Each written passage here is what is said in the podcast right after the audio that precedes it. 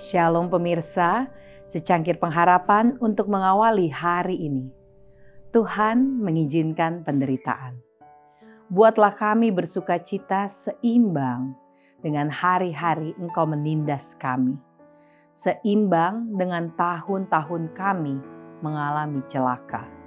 Mazmur 90 ayat 15. Izinkan saya meyakinkan Anda bahwa perjuangan dan konflik yang harus ditanggung dalam melaksanakan tugas, penyangkalan diri, dan pengorbanan yang harus dilakukan jika kita setia kepada Kristus tidak diciptakan olehnya.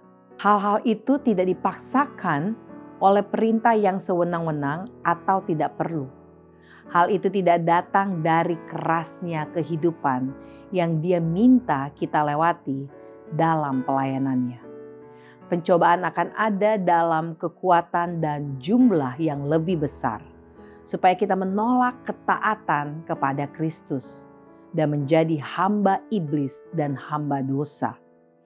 Yesus mengundang kita untuk datang kepadanya, dan Dia akan mengangkat beban dari bahu kita yang letih dan meletakkan ke atas kita kuknya yang ringan dan bebannya yang ringan jalan di mana Dia mengundang kita untuk berjalan tidak akan pernah merugikan kita jika kita selalu berjalan di dalamnya. Ketika kita menyimpang dari jalan kewajiban, itulah jalan menjadi sulit dan berduri.